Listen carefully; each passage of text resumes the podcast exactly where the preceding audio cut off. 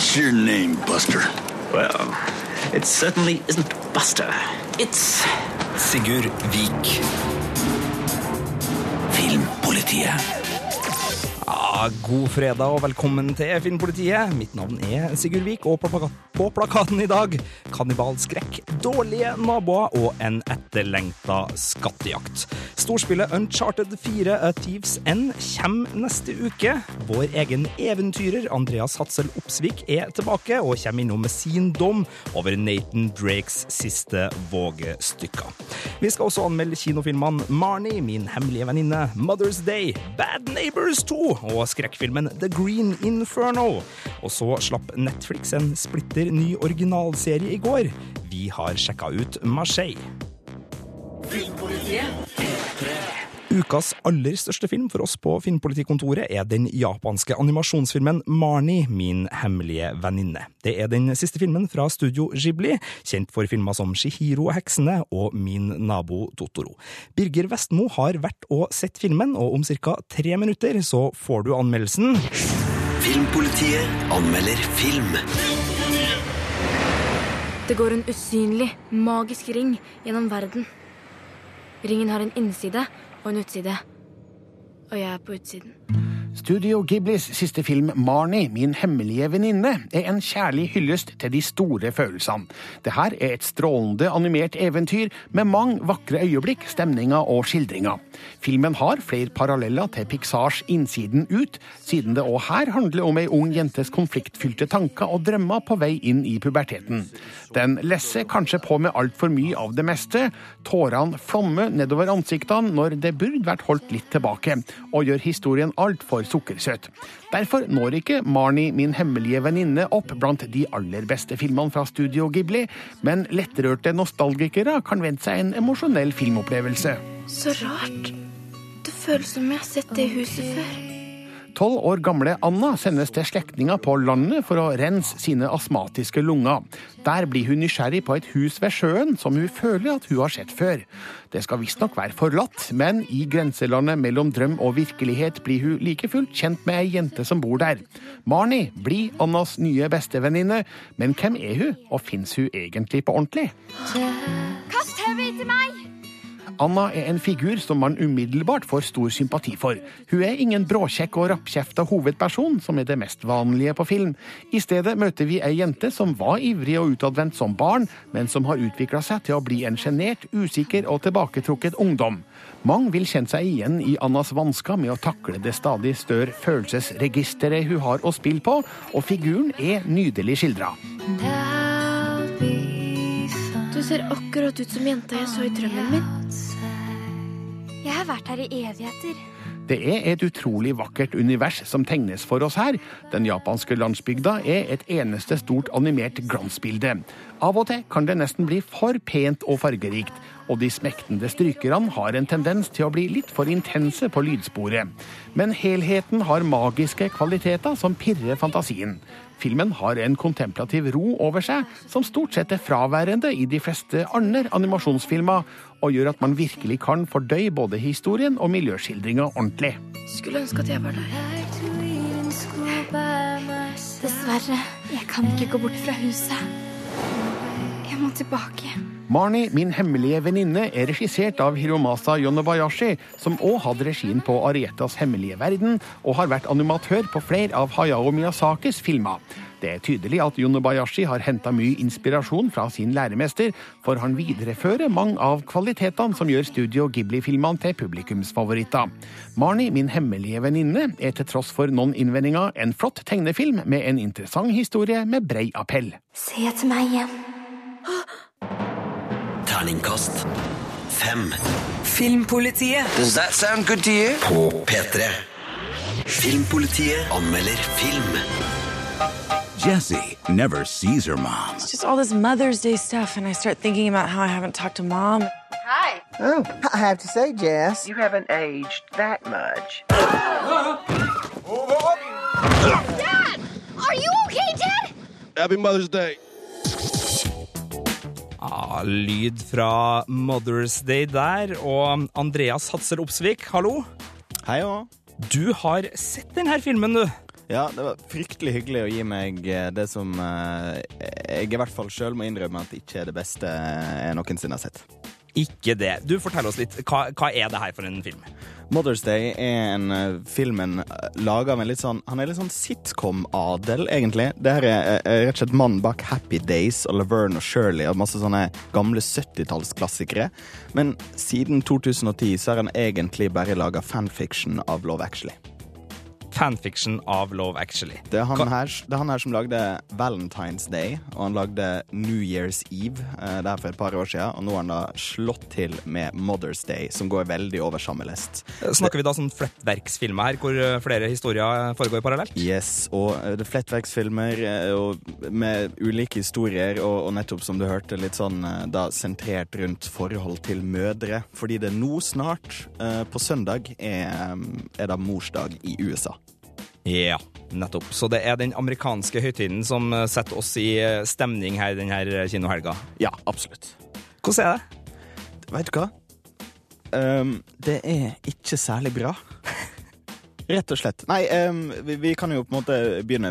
Du hørte bitte litt av rollelista i stad, som de andre um, filmene i denne sjangeren, holdt jeg på å si, for han har nesten laga sin egen sjanger nå. Um, så er det, det store navn. Og det er et manus som virker å være litt sånn røska sammen som en sånn kjapp morsdagsbukett akkurat idet du kommer på at eh, det er morsdag i dag. Altså, det er jo eh, flere handlinger her, forsto jeg på, på, traileren. Eh, altså, er det noen Altså, er alt morsdag? Altså, er det samme historier i forskjellige varianter, eller er det noe variasjon her? Vi, vi, vi, snakker sånn en, en, gammel, litt sånn uh, set in her ways-mor som er skeptisk til homofile og utlendinger. Uh, og vi har ei mor som er sånn karrierekvinne og ikke får sett nok tid til å, å ha familieliv. Vi har uh, ei ung mor og en ung far som på en måte er veldig skeptisk til å gifte seg. Du har på en måte hele spekteret av sånn, sånn sjekkpunktliste. Eh, der eh, målet er da at vi skal klare Alle skal kunne ha et eller annet å identifisere med og føle eh, med overfor sin egen mor, kanskje. Jeg ser at Timothy Olyphant er på rollelista. Han liker jeg veldig godt for at han spiller knalltøff uh, law enforcer i både Deadwood og Justified, som er to av mine favorittserier. Er Timothy kul i filmen her? Timothy gjør sin beste George Clooney-etterligning, må jeg vel kunne si. Han, er litt sånn, han har litt, sånn litt lave øyebryn og litt uh, holdt på å si sånn antydning til duckface uh, gjennom store deler av filmen. Han spiller en litt sånn slesk, uh, fraskilt pappa som, som et, har gifta seg på nytt og etter hvert må innse at kanskje det er greit å holde, å holde et godt forhold til, til sin um, tidligere kone også. Ja, da blir det siste spørsmålet mitt til deg, Andreas. Er det noe som helst bra med denne filmen? Um, noe som helst bra med denne filmen. Jeg håper at den tjener så lite penger at det ikke blir laga flere slike filmer. Da vil det være en god ting med Mother's Day. Ja, da tror jeg vi vet sånn cirka hva det blir på dom. Terningkast 1. Filmpolitiet.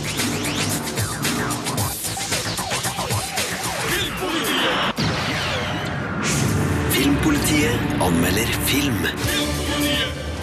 Peru is dangerous. We can't just go invade a country because they're doing something that we think is immoral. I know. I just think I should be doing something about the rainforest. The Green Inferno følger i fotsporene til notoriske skrekkfilmer som Cannibal Holocaust og Cannibal Ferox. Den inneholder noen ekstremt grusomme scener, og fungerer av og til på sine premisser som kannibalhorror. Hvor godt den takler historiens ideologiske holdning til bevaring av regnskog, er jeg mer usikker på. Det hele virker som en dårlig unnskyldning for å vise grov tortur og groteske drap. It's time to make a difference. Det starter med at en gjeng unge New Yorkere, spilt av bl.a. Lorenza Isso, Ariel Levi, Daryl Sabara og Kirby Bliss Blanton, drar til Peru for å stoppe utbygginga av en oljeledning i Amazonas regnskog. Den står nemlig i fare for å utrydde en stamme som aldri har hatt kontakt med omverdenen. Det ender opp med at aktivistene fanges av stammen, som tror de er deres fiender. En uoverkommelig språkbarriere gjør at de ikke har mulighet til å oppklare misforståelsen, og de innser kjapt at de kommer til å bli brukt i næringsøyemed, med mindre de klarer å flykte. The Green Inferno er tydelig inspirert av andre filmer i samme sjanger, både når det gjelder brutale virkemidler, spillestil og manuselementer. Denne filmen har en 18-årsgrense som absolutt må overholdes. Spesielt én scene midtveis er hard kost, som fikk meg til å vri meg av ubehag i kinosetet. Dessverre er det ingenting som kommer etterpå som nærmer seg denne scenas slagkraft, slik at siste halvdel er et antiklimaks når det gjelder kannibalhorror. Filmen har òg tonale problemer. Det skurrer når ekstreme inntrykk avløses av lattervekkende slapstick, som jeg tror er delvis ufrivillig komisk. Kannibalskrekk og diaréhumor passer liksom ikke helt sammen. We have to get out of here. The Green Inferno skildrer unge menneskers engasjement i tidsriktige miljøspørsmål, men det virker som et skalkeskjul for Eli Roth sine skrekkambisjoner. Ingen av figurene blir tydelige nok til å investere særlig store følelser i, og miljøaspektet forsvinner så snart kannibalismen entrer scenen. Derfor føles de første 40 minuttene av filmen en smule bortkasta.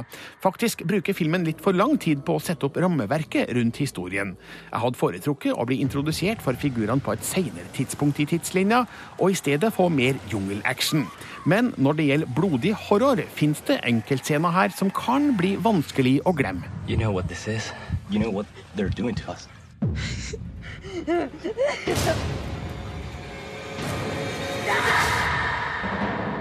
Terningkast tre. Filmpolitiet. Dette er P3. Filmpolitiet anmelder spill. Are you ready to seek your fortune? Hang on, Nathan! Where is the artifact? I made a promise that I was done with this life. How long have we been chasing this thing? Long time. I need you on this one. Ja, lyd fra Uncharted 4, A Thieves End der. Og Andreas Atser Opsvik, du har spilt det her. Du har runda det her spillet, som kommer først i butikkene den 10. mai.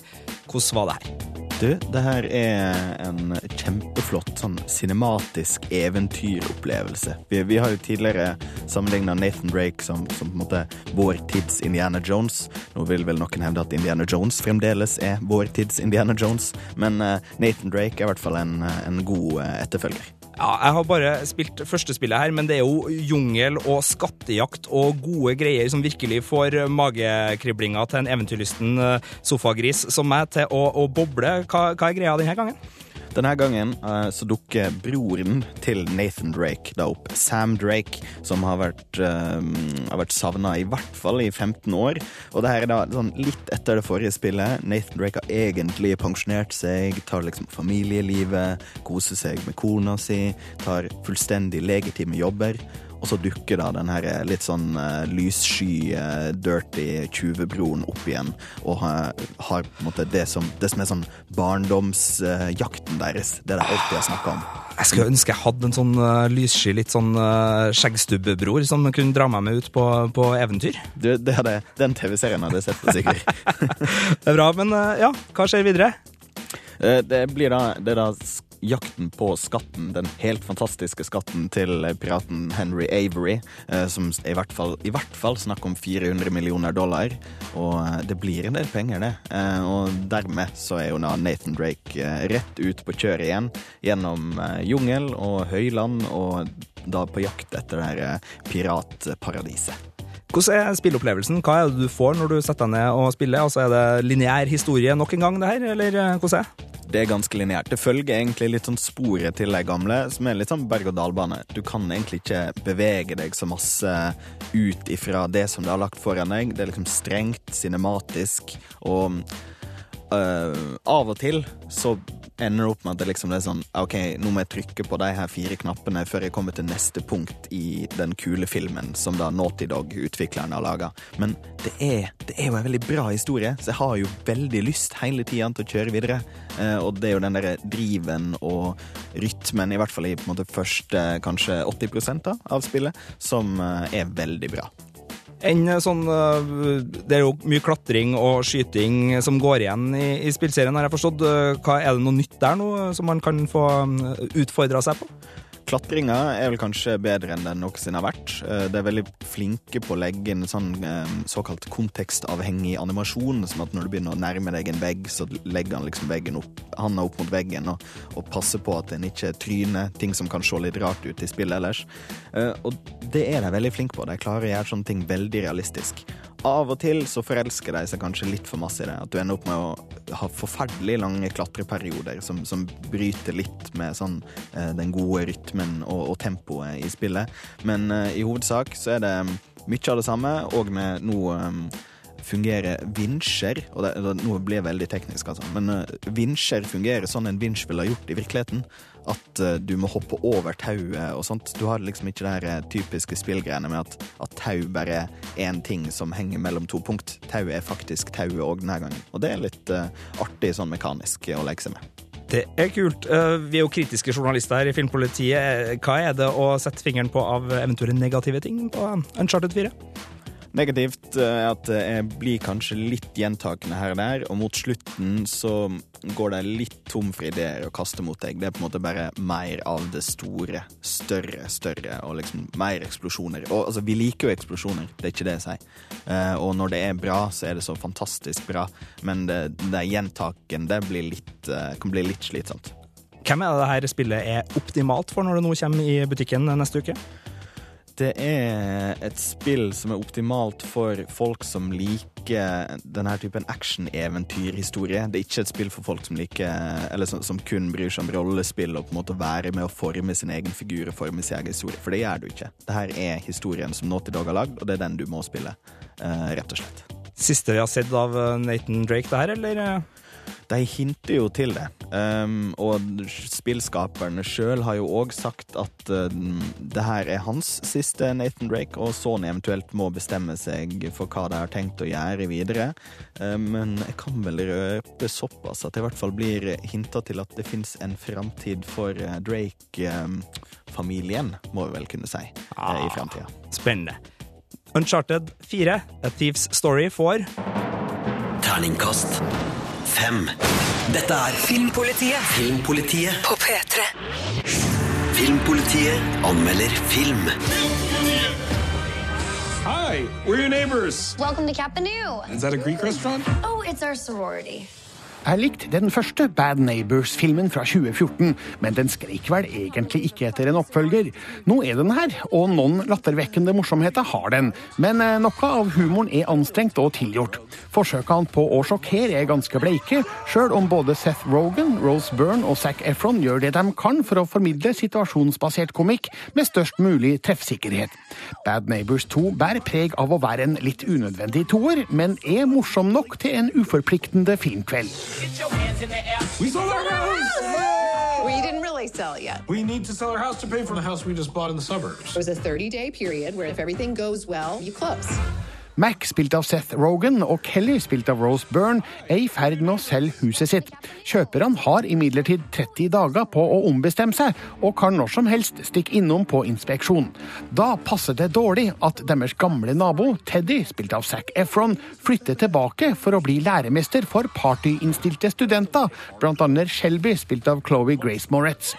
Det blir på nytt en stri nabokamp mellom de unge og de ikke fullt så unge. I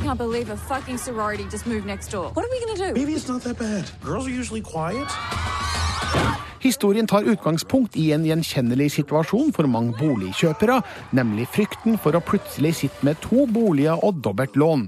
Det er ikke vanskelig å forstå Mac og Kellys situasjon. Litt vær er det å tro fullt og helt på Studenthuset, som fremstår som en parodi på amerikanske studenthus, slik de ofte skildres på film.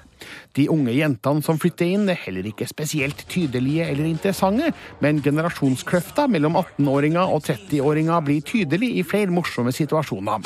The new buyers are not going to want to live next to a sorority. We need somebody who can relate to stupid young people. Teddys situasjon i filmen er kanskje den mest interessante. Mens hans gamle studentkamerater er på vei til å bli etablerte, sliter han med å finne sin plass i voksenlivet. Det her forsvinner dessverre litt bak all vitsene og komikken, som ikke er av den mest avanserte sorten. At Mac og Kellys lille datter bruker en dildo som leketøy, er en gjennomgående vits, og sier litt om nivået. Sweetie, how do you keep finding mommy's dildo? We really gotta get her some dolls. Bad Neighbors 2 har sekvenser som more, underhell og vekker latter, så det her er slett ikke helt bortkasta, og er like trekløveret Rogan, Byrne og Efron, som spiller med slepen sjarm og uhøytidelig holdning til materialet. Regissør Nicolas Stoller lykkes kanskje ikke med å formidle alvoret bak komikken like godt som i den første filmen. Bad Neighbors 2 blir mest tull og tøys, og hadde vært enda bedre med mer virkelighet bak den grove partyhumoren. Stop it! Terningkast fire. Ja, jeg må vel bare innrømme at det blir nok Bad Neighbors 2 på meg på kino i helga, men eh, sånn er nå jeg bygd, da. Glad i Seth Rogan, si. Eh, Du kan finne ut hvilken film du har lyst til å sjekke ut på kino i helga, hvis du bare skal se én. Du kan også se flere, selvfølgelig, hvis du går på p3.no skråstrek Filmpolitiet. Der finner du anmeldelsen av alle ukas kinopremierer. Filmpolitiet. På P3. Hvor det nå skal bli nyheter i Filmpolitiet.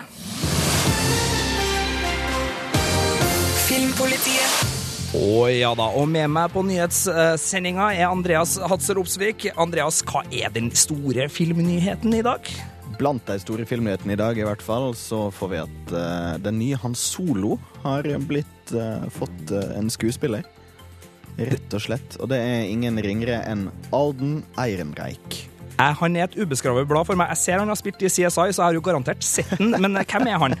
Eh, han har spilt litt sånn eh, ulike småroller her og der, men var nylig med i Hail Caesar, blant annet, av Cohen-brødrene, og spilte òg en rolle i Blue Jasmine for et par år siden. Så han har noen en store navn å knytte til seg, i hvert fall. Om Det, og det er jo et stort navn. Han skal på en måte fylle rolleskoa til, og Harrison Ford er jo en kjent fyr, men det her er ikke Star Wars i den Star Wars-serien som vi kjenner, som hadde Force Awakens. Det er den andre Star Wars-serien og en film som kommer om en liten stund, ikke? Jo. Da, til neste år så får vi jo da den første av de her andre Star Wars-filmene, eh, som er Rogue One, som er mer en krigshistorie. Før da, i 2017, så kommer Star Wars episode 8. Og da i 2018 kommer da Han Solo-filmen, som hittil ikke har fått en tittel, men som mest sannsynligvis blir hetende noe sånt som Han Solo av Star Wars Story. Vil du ha en fun fact om Han Solo? Jeg vil alltid ha fun facts om Han Solo, for et dumt spørsmål.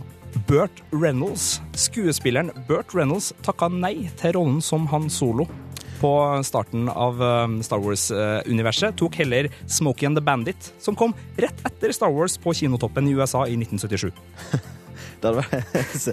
Ehm, jeg håper han hadde hatt barten sin i tilfelle. Det hadde blitt en litt annen Han Solo. Burt Reynolds, shoot first. Det er i hvert fall sak. Det blir mer nyheter snart på P3. Først så skal du få Calvin Harris og Rihanna. This is what you came for.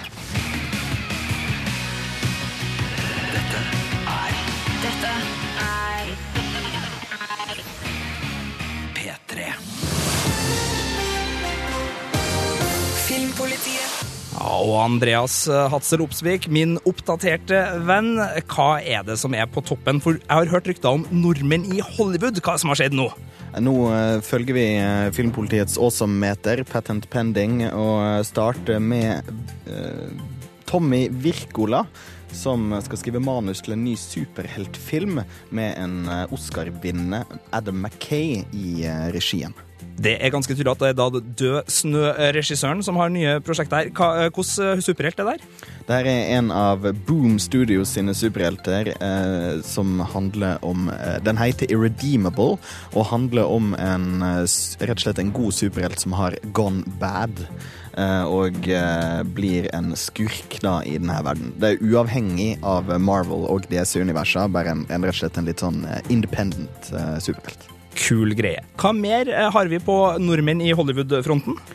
Nordmenn Hollywood så fortsetter Morten Tyldum og Graham Moore sitt eh, samarbeid. De lagde jo Imitation Game og ble eh, for noen år siden. eh, og eh, deres neste historie er en adopsjon av eh, romanen The Last Days of Night, som er da om kampen mellom de to store elektriske genier i New York. Selveste Thomas Edison og nerdefavoritten Nikola Tesla. Oh, siste Hollywood-nordmann-nytt, hva var det? Siste nordmann, eh, nordmann i Hollywood-nytt det er at eh, Bryan Cranston, kjent fra hovedrollen i Breaking Bad, skal få en av rollene i den amerikanske nyinnspillingen av eh, Hva skal vi kalle den? En sånn actioneventyr? Tippe-actionkomedien. Actionkomedie er nok et godt utgangspunkt. Arme riddere, som kom for et par år siden, var basert på en historie av Jo Nesbø. Mila Kunis, kjent fra That 70 Show og en rekke andre ting, blir da en av motspillerne i filmen som er regissert av Will Gluck og kommer en eller annen gang i løpet av eh, neste år. Filmpolitiet. På P3. Filmpolitiet anmelder TV-serie. So it begins. J'avais tout organisé. J'ai trouvé l'homme de paille. Byen Marseille er et utmerket utgangspunkt for en serie om bypatriotisme, skitten politikk, narkotika og mafiaforbindelser. Frankrikes nest største by var et heroinsenter på 60- og 70-tallet. Den har hatt sine korrupsjonsskandaler, og kystperla sliter i dag med høy kriminalitet og mye fattigdom. Da er det synd at serien Marseille, Netflix sin første franske originalserie, ikke makter å gi byen den maktkampen den fortjener. Seriens første halvdel ser bra ut på skjermen, men manuskriptet er ikke bygd for spennende og aktuell politisk underholdning. Dette blir raskt til et intrigefylt såpedrama uten de store høydepunktene, med stiv dialog og flere karikerte rollefigurer. Et la ville de Marseille. Vous peut-être. Marseille, non? Handlinga er ganske enkel. Robert Taro har vært Marseilles dedikerte borgermester i 20 år. I forkant av den kommende valgkampen så trer han til siden og overleverer makta til sin protesjé Lucas Barres. Men så svikter Barres sin farsfigur. Den unge politikeren vil styre byen alene, i en ny og mer mafiavennlig retning. Dermed kaster gamlefar Taro pensjonsplanene på båten og haster sammen en voldsom valgkampanje for å vinne tilbake sin store kjærlighet, byen Marseille. Je sais, monsieur le maire, que j'ai grandi dans vos pas. Det er flere av karakterene som er vel enkle i sine roller og funksjoner. Spesielt ille er Lucas Barres. Hans bøllete og karikerte oppførsel hadde passa som skurk i en 80-talls actionfilm, men det er vanskelig å få et troverdig bilde av den unge borgermesterkandidaten når han skal være politiker. I sin iver etter et enkelt og oversiktlig Marseille tvinger også serieskaperne rollegalleriet til å bære for mange funksjoner på for få hender. Når skurken som hjelper Barres også helt tilfeldigvis er kokaindealeren til den sittende borgermesteren, og enda mer tilfeldigvis er den voldelige kameraten som ødelegger for eksen til dattera til borgermesteren, da virker Marseilles underverden unaturlig liten.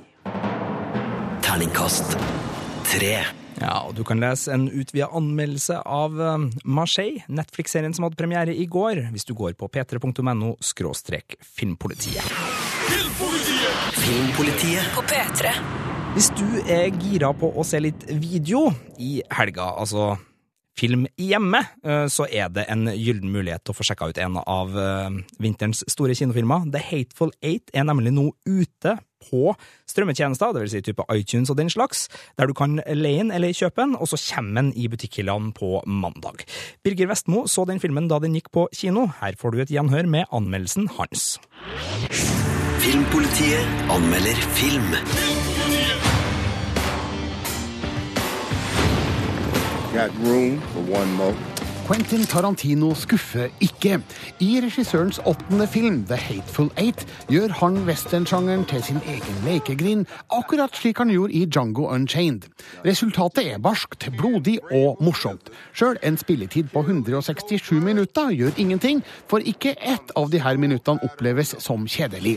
The Hateful Eight er kanskje ikke det popkulturelle braket som Pulp Fiction eller Kill Bill var, men med Tarantinos sedvanlige stilsikkerhet, rike persongalleri og frodige dialog, er det her et underholdende verk fra en regissør som slett ikke har mista grepet. She's wanted dead or alive for murder. When that sun comes out, I'm taking this woman to hang. Handlinga foregår i Det ville vesten etter den amerikanske borgerkrigen. Passasjerer fra to diligenser må søke ly for en snøstorm på en øde handelsstasjon i Wyoming. Vi møter to dusørjegere, spilt av Kurt Russell og Samuel L. Jackson, en fange, spilt av Jennifer Jason Lee, en galgemann, spilt av Tim Roth, to cowboyer, spilt av Michael Madsen og Demion Bishir, og en general, spilt av Bruce Dern. Etter hvert viser det seg at flere av figurene har historikk som krysser hverandre på ulike måter, og gjør at spenninga mellom dem eskalerer. One of them fellas is not Det her er 100% rent Tarantino-stoff fra ende til annen. Man kjenner igjen de tøffe figurene, den omstendelige dialogen og de blodige voldsutbruddene fra alle filmene hans. Det fungerer fremdeles, takka være skuespillere som kanaliserer Tarantinos manus fortreffelig. Flere av dem har jobba med en før, og kjenner tonen, figurene og historiene hans fungerer best i, altså med glimt i øyet, sjøl i de grusomste øyeblikkene. Hver og en av dem har sitt særpreg, men skal jeg velge én favoritt, må det bli Jennifer Jason Lee som Daisy. Hun gjør et herlig comeback med en fresende rolletolkning.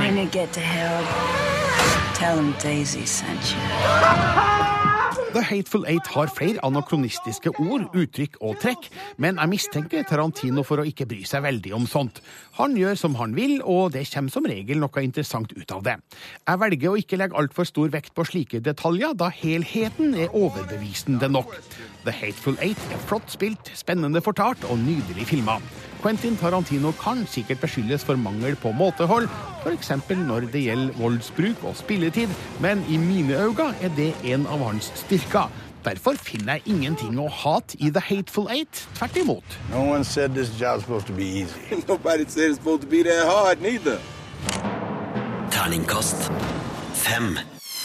Filmpolitiet. Filmpolitiet. Les mer om film, spill og serier på p3.no Filmpolitiet.